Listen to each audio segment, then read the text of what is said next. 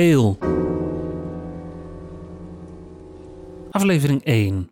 Ik wil op zoek naar de essentie van de kleur geel. Hoe geel is geel? Waarom en wat kan je ermee? En ik dacht bij mezelf, wat is daar de meest geschikte vorm voor? Een podcast.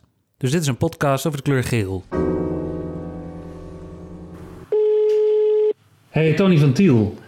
Ik maak, Hey. een, eh, ik maak een podcast over de kleur geel en ik heb een Ja. beeldmerk daarbij nodig. Waar denk je aan? Eh, wat bedoel je met het beeldmerk? Nou, gewoon als je een podcast maakt, dan heb je een plaatje nodig waar mensen op klikken. Eh, Zo'n beeldmerk of geel? Ja, waar denk je aan? geligs en dan... maar wat is de podcast dan? Ja, die gaat over de kleur geel. Oh, die gaat alleen, oké, over de kleur geel. Ja, het is misschien heel basic, zeg maar, maar ik denk gelijk aan zo'n soort eh, kleurstrookje.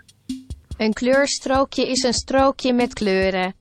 Kleurstrookjes worden onder meer gebruikt bij het vaststellen van kleuren in de architectuur en grafische techniek met behulp van strookjes.